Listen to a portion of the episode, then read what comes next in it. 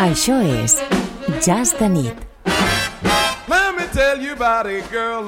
Dues hores per gaudir del millor jazz clàssic i contemporani. Jazz de nit, a Ràdio Pineda.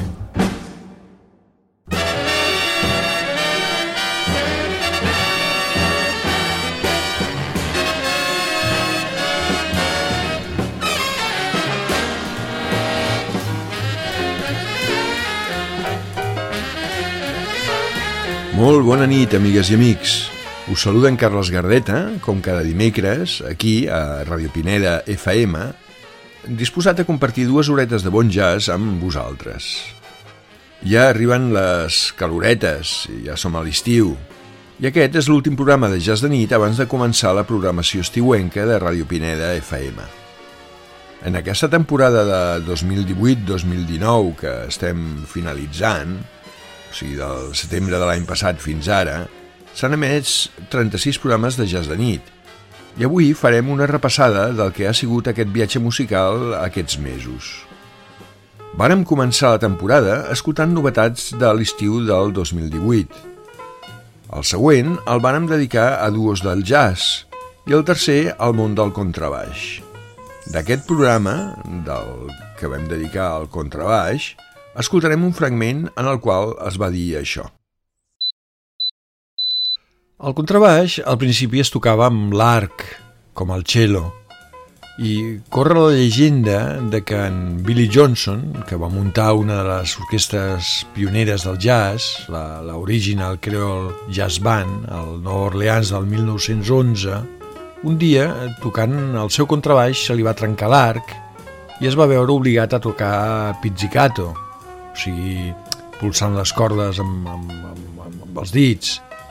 I li va agradar mm, perquè així li donava un impuls rítmic al, al seu grup que amb l'arc no era tan efectiu.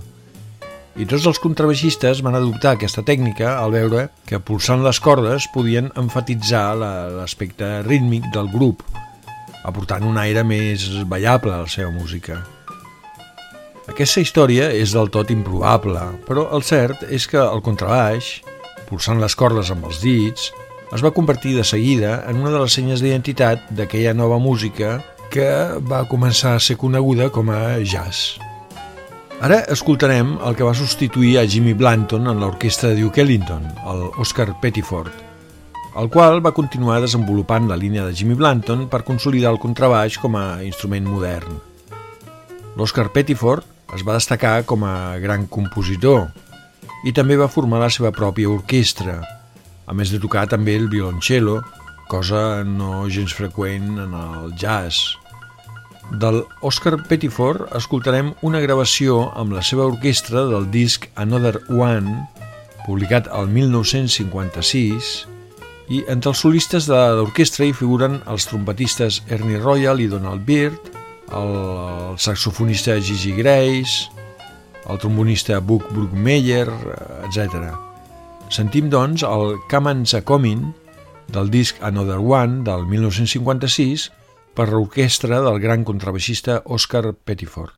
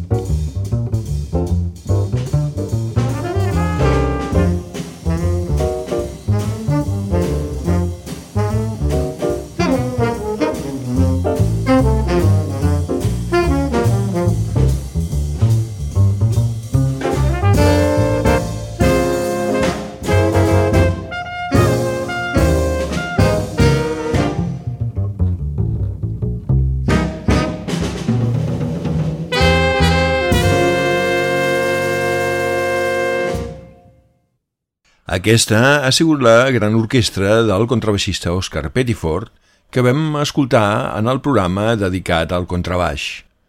El següent programa el vàrem dedicar com a homenatge al trompetista Jerry González, el qual havia mort en una incèndia a casa seva a Madrid uns dies abans.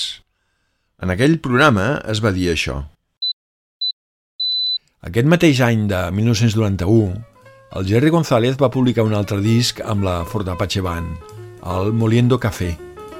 El nom de Fort Apache, de la banda del Jerry González, ve de com s'anomena la zona més conflictiva del districte del Bronx de Nova York. Bé, doncs, del disc Moliendo Café, del Jerry González, amb la seva Fort Apache Band, escoltarem el conegut Summertime, de l'òpera Porgy and Bess, composada per al George Gershwin i estrenada al Broadway dels anys 30. El contrabassista de la Fort Apache Band és el seu germà Andy González i el pianista és el Larry Willis, dos dels fidels acompanyants del Jerry González. Escoltem el Summertime.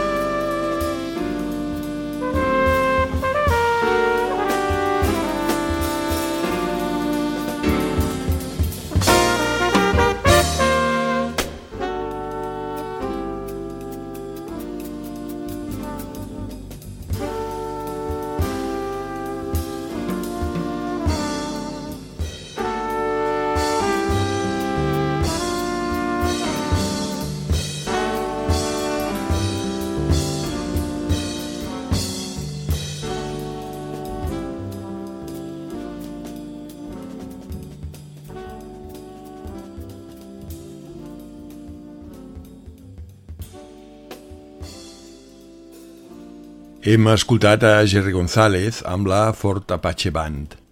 El 31 d'octubre el programa va estar dedicat a guitarristes i en aquest programa es va dir això. El Joe Pass va ser un extraordinari guitarrista que havia format part del, del grup del pianista Oscar Peterson, que només contractava pels seus trios a grans guitarristes. El Joe Pass acompanyava amb freqüència la seva dona, la Ella Fitzgerald, amb la qual va gravar uns quants discos. Doncs escoltarem el Joe Pass amb una gravació que va fer en la seva última època amb el segell Pablo, que va ser un segell fundat pel Norman Granz als anys 70 per gravar grans músics veterans en uns anys en els que el jazz patia una importància crisi comercial. El Norman Granz va ser un promotor musical que abans de Pablo havia fundat el prestigiós segell Verve. Doncs del Joe Pass escoltarem l'estàndard All the Things You Are, que va gravar mm, tot sol pel seu disc Virtuoso, publicat pel segell Pablo al 1974.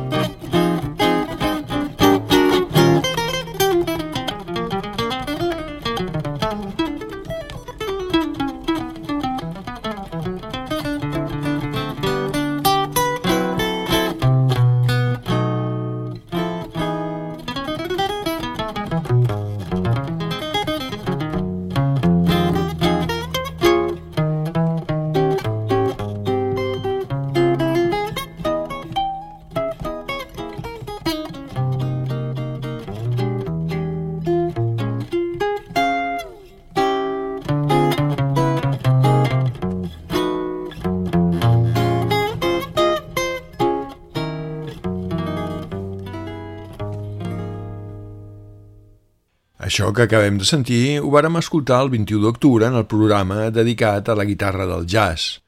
Ha sigut el gran guitarrista Joe Pass. El següent programa el vam dedicar a escoltar alguns grans estàndards del jazz, o sigui, composicions que, que, que han, han aconseguit un alt nivell de popularitat al llarg del temps i que són versionades per un gran nombre de músics de jazz. En aquest programa es va dir això. La immensa majoria dels primers estàndards provenien dels musicals de Broadway, d'aquells eh, espectaculars musicals dels anys 20 i 30, com per exemple això que sentirem ara. Es tracta del Fascinating Rhythm, una de les cançons composades pel George Gershwin pel musical Lady Be Good, que es va estrenar al Broadway dels anys 20. La que sentirem ara serà una fantàstica versió que la Sarah Vaughan va enregistrar en directe, en la qual, de pas, podrem sentir el seu magnífic escat improvisat. Escoltem, doncs, la versió de l'estàndard Fascinating Rhythm que va fer la Sarah Vaughan.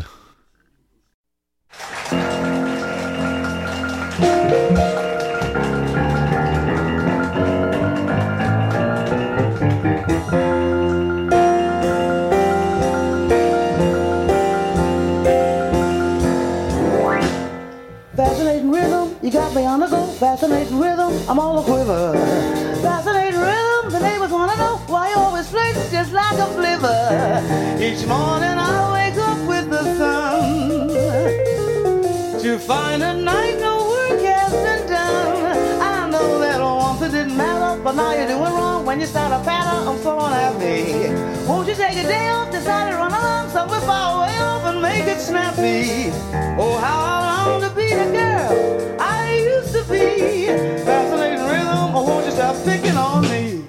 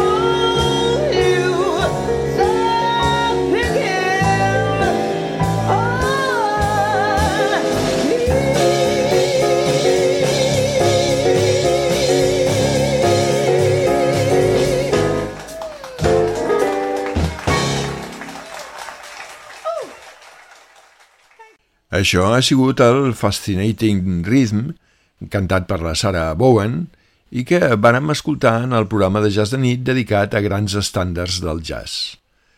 De quan en quan dediquem el programa de jazz de nit a fer un repàs de novetats discogràfiques recents, i el 21 de novembre varen compartir algunes de les novetats publicades en les darreres setmanes. En aquest programa vàrem escoltar això.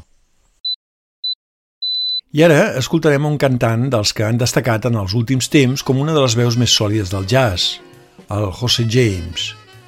El disc que acaba de publicar està ple de cançons conegudes, i la que sentirem ara és una d'aquestes, el meravellós Lean on Me, Recolza't en mi, un èxit del cantant de soul Bill Withers.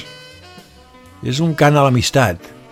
Diu, si en algun moment no et sents fort, recolza't en mi perquè no passarà massa temps quan jo necessitaré algú en el que recolzar-me. El José James fa una versió totalment fidel a la que va fer el gran Bill Withers, sense cap extravagància ni res. Escoltem aquesta versió del Lean on Me del José James.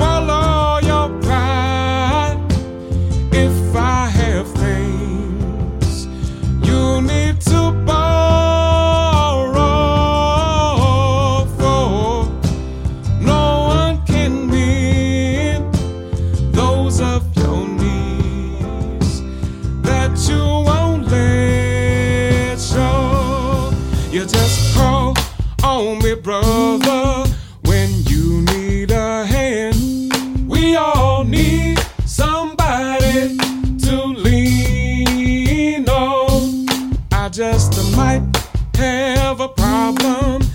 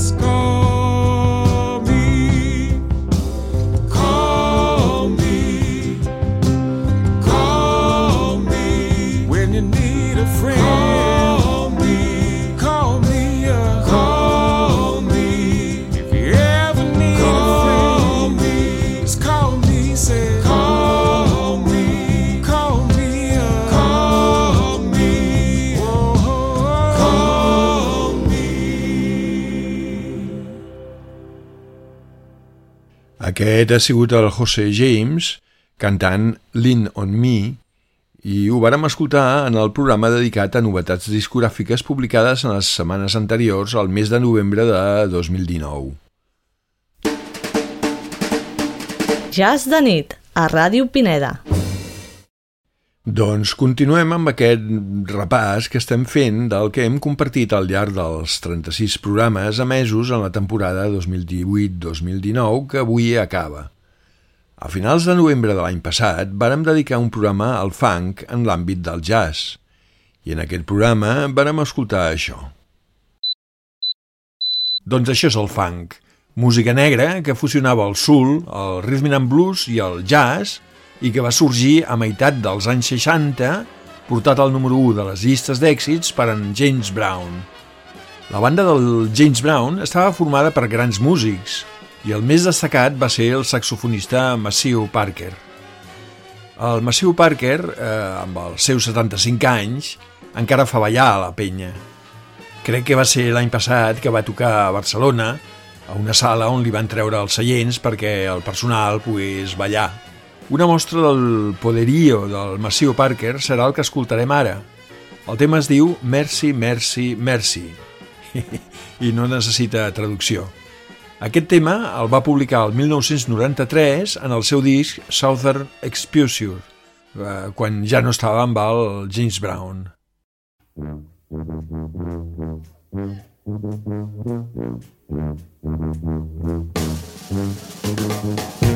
Thank you. thank you.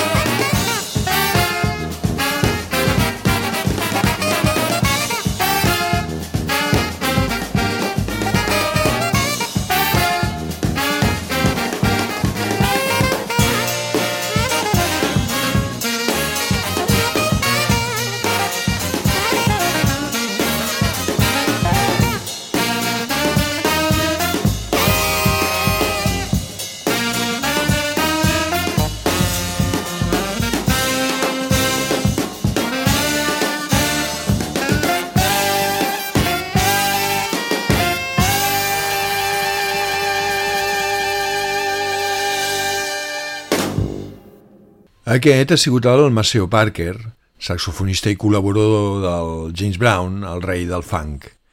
Això ho vàrem escoltar en el programa dedicat al funk en el jazz, que es va emetre a finals de novembre del 2018.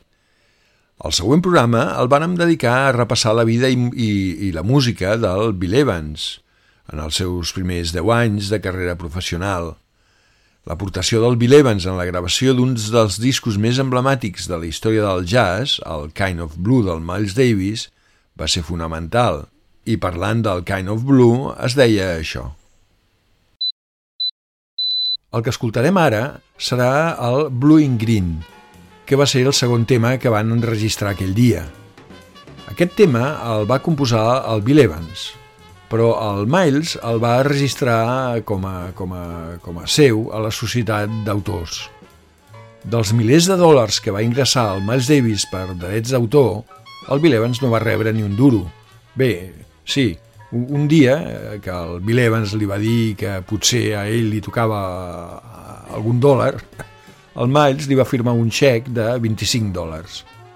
Però el Bill Evans mai va parlar malament del Garrepa Miles. Al contrari, sempre es va mostrar molt agraït a l'impuls que el Miles li va donar com a músic. Escoltem aquest Blue in Green del disc Kind of Blue.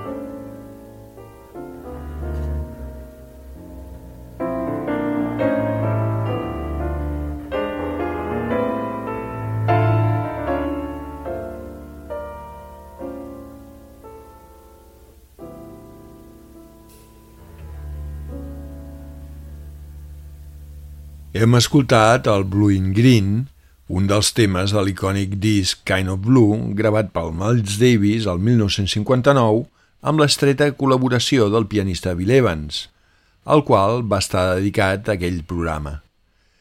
En el programa següent vàrem escoltar a alguns dels grans músics del jazz actual, com per exemple això escoltarem a un dels grans pianistes moderns contemporanis, el Yuri Kane. El Yuri Kane eh, és un d'un eclecticisme proverbial. És capaç de tocar en qualsevol estil i context.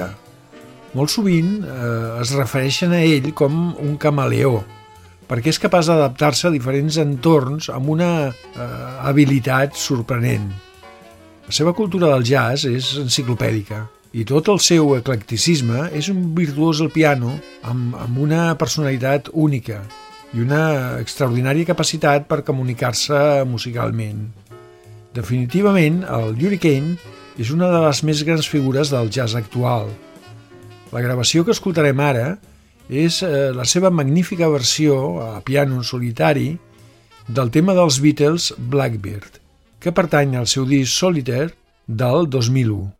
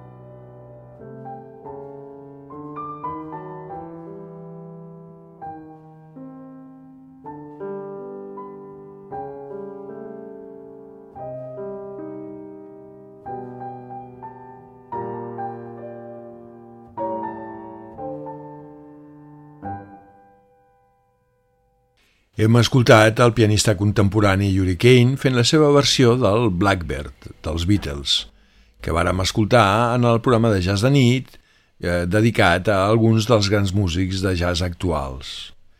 I van arribar les festes de Nadal, i per aquesta ocasió vam preparar un programa dedicat a la música de Nadal interpretat per diversos músics de jazz.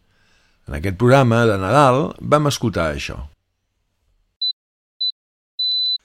Una de les cançons de Nadal més versionades en l'àmbit del jazz és Jingle Bells, que vol dir cascavells, i es refereix als cascavells que porten els eh, renos del trineu del Papa Noel.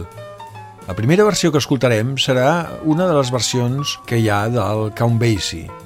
Sentim l'explosiva versió del Jingle Bells del Count Basie.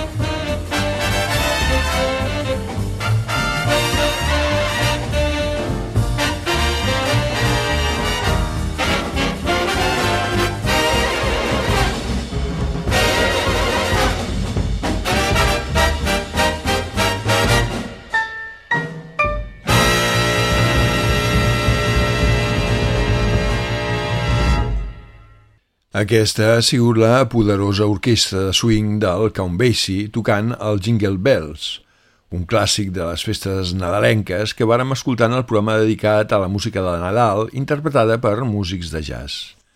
A les festes de Nadal i Cap d'Any vàrem estar un parell de setmanes de vacances i vàrem reemprendre les emissions de jazz de nit amb un programa dedicat a vibrafonistes.